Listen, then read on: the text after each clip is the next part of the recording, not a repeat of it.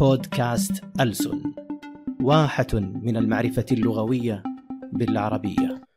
مرحبا بكم أعزائنا. احتفالا باليوم العالمي للغة العربية أقمنا في بودكاست ألسن مسابقة لجمهورنا بحيث تكون هذه الحلقة من مشاركاتهم والحكم لكم أنتم. كنا قد طلبنا المشاركة من الجميع هكذا. تحب اللغة العربية؟ دعنا إذا نحتفل بها في اليوم العالمي للغة العربية بطريقة مختلفة. شارك معنا في مسابقة بودكاست ألسن وقد تترشح مشاركتك للظهور في حلقتنا الاحتفالية الخميس المقبل.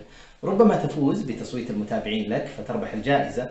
سجل مقطعا صوتيا أو فيديو في دقيقة واحدة يحتوي كلمات جميلة تحفيزية تحفظها أو تستعين بها. حكمة تتبناها في حياتك اشرحها وقل لنا عن الموقف الذي يذكرك بها. بيت أو أبيات من الشعر ترددها دوما. أنشد الأبيات وقل لنا لمن. مثل يعجبك من الأمثال العربية الفصيحة. ما قصته؟ كلمات من العامية في منطقتك. اذكر لنا أصلها الفصيح. وهكذا. شاركنا. أخبر أصدقائك ليشاركوا معنا. ولنحتفل بلغتنا في يومها العالمي. استقبلنا خلال الأيام المتاحة للمسابقة عددا كبيرا من المشاركات الجميلة التي تدور حول الحكم وأبيات من الشعر وبعض الأمثال العربية الفصيحة مع قصتها وكلمات من العامية مع أصلها الفصيح. وانتخبنا أفضلها لنعرضها في هذه الحلقة الاحتفالية وقسمناها إلى ثلاثة أقسام. القسم الأول مشاركات جميلة والقسم الثاني مشاركات مميزة والقسم الثالث مشاركات مرشحة للفوز. أترككم الآن أعزائي مع هذه المشاركات احتفالا باليوم العالمي للغة العربية. أولا المشاركات الجميلة. السلام عليكم حياكم الله. سأقدم لكم مثل آه، للشاعر اليمني الشعبي علي ولد زايد وسأبدأ بقصة المثل. وقيل قيل أنه خرج من بيته يبحث عن حبوب لطعام العشاء. ولما رجع خائبا اختبأ في زاوية يتسمع منها أقاويل زوجاته الثلاث فقالت الأولى ما حصل على قرض؟ فذهب يسرق وقالت الثانية إنه تأخر بسبب اجتماع القرية لأداء القسم على الوفاء بالثأر. وقالت الثالثة إحداهن أخبرتها بأنه بأنها رأت زوجها يتحدث مع فلانة ولعلها قد وعدته فهو لديها. وفي اليوم الثاني كان يغني على محراثه ويقول أمسيت من فقر ليله زاني وسارق وحلاف أنا لا أهتم بالجائزة ولكني أريد منكم أن تسلطوا الضوء ولو قليلا على الشاعر علي ولد زايد. لا يصل الناس إلى حديقة النجاح دون أن يمروا بمحطات التعب والفشل واليأس. وصاحب الإرادة القوية لا يطيل الوقوف في هذه المحطات. فسقوط الإنسان ليس فشلا ولكن الفشل هو أن يبقى حيث سقط. الفشل لا يعني نهاية الطريق بل هو البداية التي ستعلمك الطريق الصحيح. إذا نظرت حولك ستجد الكثير من الأشخاص الذين يتعرضون للفشل كل يوم لكنهم لم يستسلموا. وهذا لا يعني أنهم أفضل منك بالطبع لكنهم أشخاص يحاولون كل دقيقة لتحدي الفشل فخلف كثير من الناجحين قصص فشل لم ينحنوا لها فخذ هؤلاء الأشخاص قدوة لك ولا تفقد الأمل بل كن دائما طموحا وصبورا. سأشارككم بكلمات جميلة دائما أرددها. أولا عندما يكون لديك حلم تريد تحقيقه ضع في بالك أنه ليس هناك مستحيل. في الجد والاجتهاد يحقق المستحيل. ثانيا لا تنافس الآخرين ونافس نفسك وقارنها بالماضي وتعلم الدروس ولا تدع أي عائق يعيقك. ثالثا لا تقلل من شأن طموحاتك ولا تدع أي أحد يقلل من شأنها. وابتعد ممن يقللون من شأنها فلربما أصغر طموحاتك تصبح الأكبر بالغد. رابعا الحلم هو مجرد حلم. أما بالنسبة للهدف فهو حلم له خطة وموعد نهائي لتحقيقه. خامسا بدل أن تلعن الظلام أوقد شمعا سادسا الهروب هو السبب الوحيد في الفشل. لذا فإنك تفشل طالما لن تتوقف عن المحاولة. عليكم ورحمة الله وبركاته.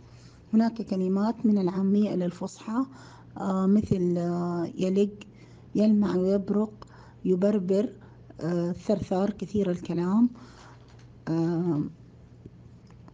كمان في ينط يقفز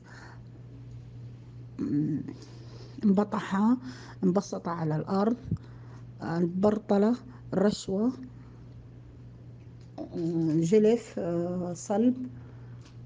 سنعة يعني تعرف تتصرف ذربة عندها أسلوب زين بالكلام جغمة رشفة ماء يطنز يسخر صعبول لعاب هدوم خلاقين ثياب ترجية تعني حلق. قال الإمام العالم سفيان الثوري رحمه الله يا نفس توبي فإن الموت قد حانا. وعص الهوى فالهوى ما زال فتانا. أما ترين المنايا كيف تلقطنا؟ لقطا وتلحق أخرانا بأولانا. في كل يوم لنا ميت نشيعه. نرى بمصرعه آثار موتانا. كل القلوب إلى الحبيب تميل ومعي بهذا شاهد ودليل. أما الدليل إذا ذكرت محمدا فترى دموع العارفين تسيل. هذا مقالي فيك يا شرف الورى ومدحي فيك يا رسول الله قليل. هذا رسول الله هذا المصطفى هذا لرب العالمين رسول. يا سيد الكونين يا علم الهدى هذا المتيم في حماك نزيل هذا النبي الهاشمي محمدا هذا لكل العالمين رسول. يا رب إني قد مدحت محمدا فيه ثوابي وللمديح جزيل. صلى عليك الله يا علم الهدى ما لاح بدر في السماء دليل. صلى عليك الله يا علم الهدى ما حن مشتاق وسار جميل. هذا رسول الله نبراس الهدى هذا لكل العالمين رسول. لا تقارن بداياتك بموسم حصاد الآخرين. هذه الحكمة التي كنت وما زلت متمسكة بها في مسيرتي العلمية والعملية. جعلتني أؤمن أنه لا يجب أن أقارن نفسي بأحد سواها وأن أكون قنوعة ولا أنظر لإنجازات غيري كونها تحديات لا يمكن الوصول لها لأن وراء هذه النجاحات الكثير من السعي. فبداياتي في تعلم الأشياء لن ترجح كفتها أمام موسم حصاد الآخرين والمقارنات غير العادلة لا تؤذي سوى أصحابها. لذلك أنا أطمح للتطور دون مقارنات فلكل خطه الزمني. وأحتفل ببداياتي وسعي ووصولي بنفس القدر.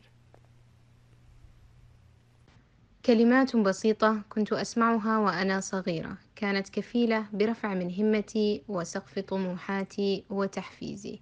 كنت أجتهد وأطور مهاراتي واجتزت بذلك كافة الصعوبات التي واجهتني في دراستي. إلى أن تخرجت وتفوقت وها أنا اليوم أعمل في أحد أفضل الشركات بفضل من الله.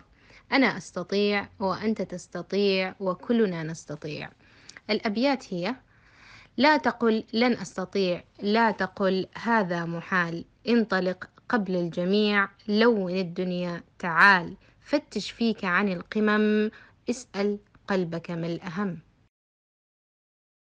ثانيا المشاركات المميزة. لكي نستطيع التغلب على صعاب الحياة يجب علينا اكتساب الخبرة اللازمة. لعل من أسهل اكتساب الخبرة هي الحكم والأمثال. مثلنا اليوم عصفور في اليد خير من عشرة على الشجرة. يقال المثل لشخص يتصف بصفة الطمع. لا ينظر الشخص إلى ما بيد غيره حتى يزول ما بيده ويخسر كل شيء. هذا المثل له العديد من الروايات والقصص.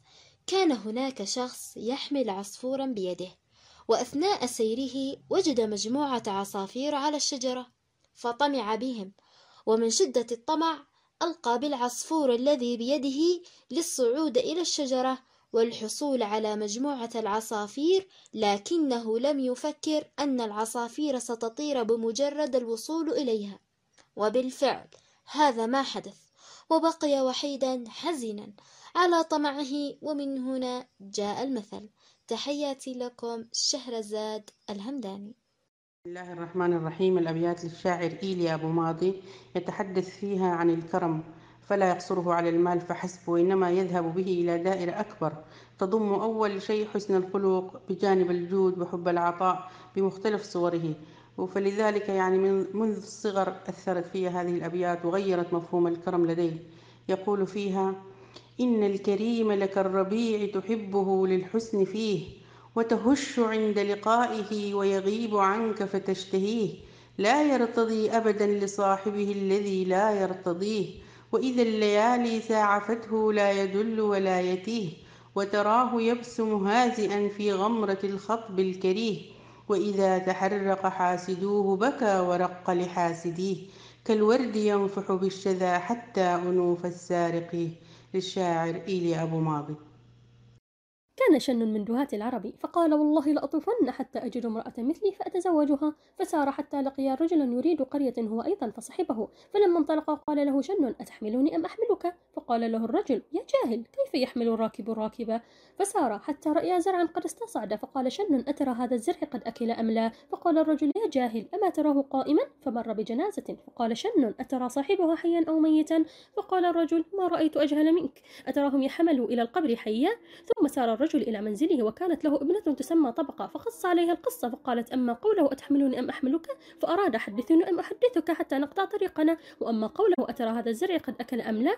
فأراد باعه أهله فأكلوا ثمنه أم لا؟ وأما قوله في الميت فإنه أراد أترك عقبا يحيا ذكره أم لا؟ فخرج الرجل فحادثه ثم أخبره بقول ابنته فخطبها شن وتزوجها فحملها إلى أهله فلما عرفوا عقلها ودآهاءها قالوا وافق شن طبقة.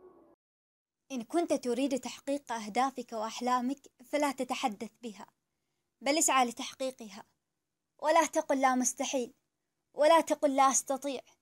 إن الله لا يرسل لنا تحديات ونحن لسنا قادرين على تجاوزها. إن الله لا يرسل لنا تحديات ونحن لسنا قادرين على تجاوزها. نحن الذين صنعنا الذي كان يظنه آباءنا وأجدادنا مستحيلا. نحن الذين صنعنا الطائرات وحلقنا كما يحلق الطير في السماء. نرى اليوم أشياء كثيرة كان يظنها السابقون مستحيلة. نصيحتي هي أن تبدأ الآن. أن تبدأ الآن بتطوير ذاتك وتحقيق أهدافك. لا تمت ويمت معك ذكرك وعملك بل مت. واجعل في هذه الحياة ذكرك الطيب وعملك المبهر. دعهم يقولون فلنعمل ولنجتهد. كما فعل فلان الذي بجهده وتعبه حقق ما ظنناه مستحيلا. السلام عليكم ورحمة الله وبركاته. أحب أن أشارككم بعض الأبيات الجميلة. يقول الإمام الشافعي بقدر الكد تكتسب المعالي ومن طلب العلا سهر الليالي ومن طلب العلا بغير كد أضاع العمر في طلب المحال. وأبيات أخرى للشاعر أحمد شوقي يقول وما نيل المطالب بالتمني ولكن تؤخذ الدنيا غلابا وما استعصى على قوم منال إذا الإقدام كان لهم ركابا. ويقول خليل مطران اعزم وكد فإن مضيت فلا تقف واصبر وثابر فالنجاح محقق. ليس الموفق من تواتيه المنى لكن من رزق الثبات موفق. ونسأل الله التوفيق. وشكرا. ثالثا المشاركات المرشحة للفوز. السلام عليكم يا كرام. كيف أنتم؟ آه بخصوص المسابقة التي أعلنتم عنها قرأت مرة لشاعر عراقي بيتين جميلين. آه ذكرونا بالله وباليوم الآخر. ومن شدة جمالهما آه حفظناهما من الوهلة الأولى. كتبهما شاعر عراقي على إثر زلزال حدث في البلاد عندهم استمر لمدة ساعة أو أكثر. فقال اهتزت الأرض من ذنب سرى فيها فارتج نائمها وارتاع صاحيها والهز قدر سوان قض مضجعنا فكيف بالهزة الكبرى توافيها؟ اللهم سلم سلم. استفادة وما زلت أستفيد حتى اليوم. ويقول كذلك ابن طبطب العلوي عن الكتاب إن الكتاب هو الجليس الذي لا ينافق ولا يمل ولا يعاتب إذا جفوته ولا يفشي سرك. شكرا لصاحب هذه البادرة الطيبة على استقبال هذه الخاطرة السريعة. نتمنى للغتنا العربية دائما أن تحلق عاليا في سماء المجد لأنها لغة القرآن الكريم وبها نزل خير كتب الله سبحانه وتعالى. والسلام عليكم ورحمة الله وبركاته. السلام عليكم ورحمة الله وبركاته. اسمي أمان حبيب. اليوم أتكلم عن المثل مواعيد عرقوب. قصة المثل كان عرقوب رجلا يخلف المواعيد. أتاه أخ له يسأله فقال له عرقوب إذا أطلعت هذه النخلة فلك طلعها. فلما أطلعت أتاه كما وعده فقال اتركها حتى تصير زهوا حمراء أو صفراء اللون. فلما زهت قال اتركها حتى تصير رطبا. فلما أرطبت قال اتركها حتى تصير تمرا. فلما أتمرت سار إليها عرقوب من الليل فقطع ثمرها ولم يعطي أخاه شيئا فصار يضرب هذا المثل في خلف الميعاد. مرحبا أنا محمد. أتحدث معكم عن قصيدة من عيون الشعر العربي وهي عينية بن رزيق البغدادي التي قالها بعد سفره وغربته ولم يحظى بما أراده. مع تذكره عتاب زوجته له على سفره. يقول في مطلعها لا تعذليه فإن العذل يولعه. قد قلت حقا ولكن ليس يسمعه. وفيها من جميل قوله قد وزع الله بين الخلق رزقهم لم يخلق الله من خلق يضيعه. وقوله أيضا رزقت ملكا فلم أحسن سياسته. وكل من لا يسوس الملك ينزعه ومن غدا لابسا ثوب النعيم بلا شكر عليه فإن الله ينزعه. اقرأوا القصيدة فإنكم ستستمتعون بقراءتها. نشكر كل من شارك معنا في هذه المسابقة ونرجو حظا أوفر لمن لم نعرض مشاركته هنا لسبب أو لآخر. نطلب منكم الآن متابعينا الكرام أن تصوتوا لأفضل مشاركة من مشاركات المرشحين الأربعة ليفوز بجائزتنا في الاحتفال باليوم العالمي للغة العربية. وانتظرونا فلدينا المزيد.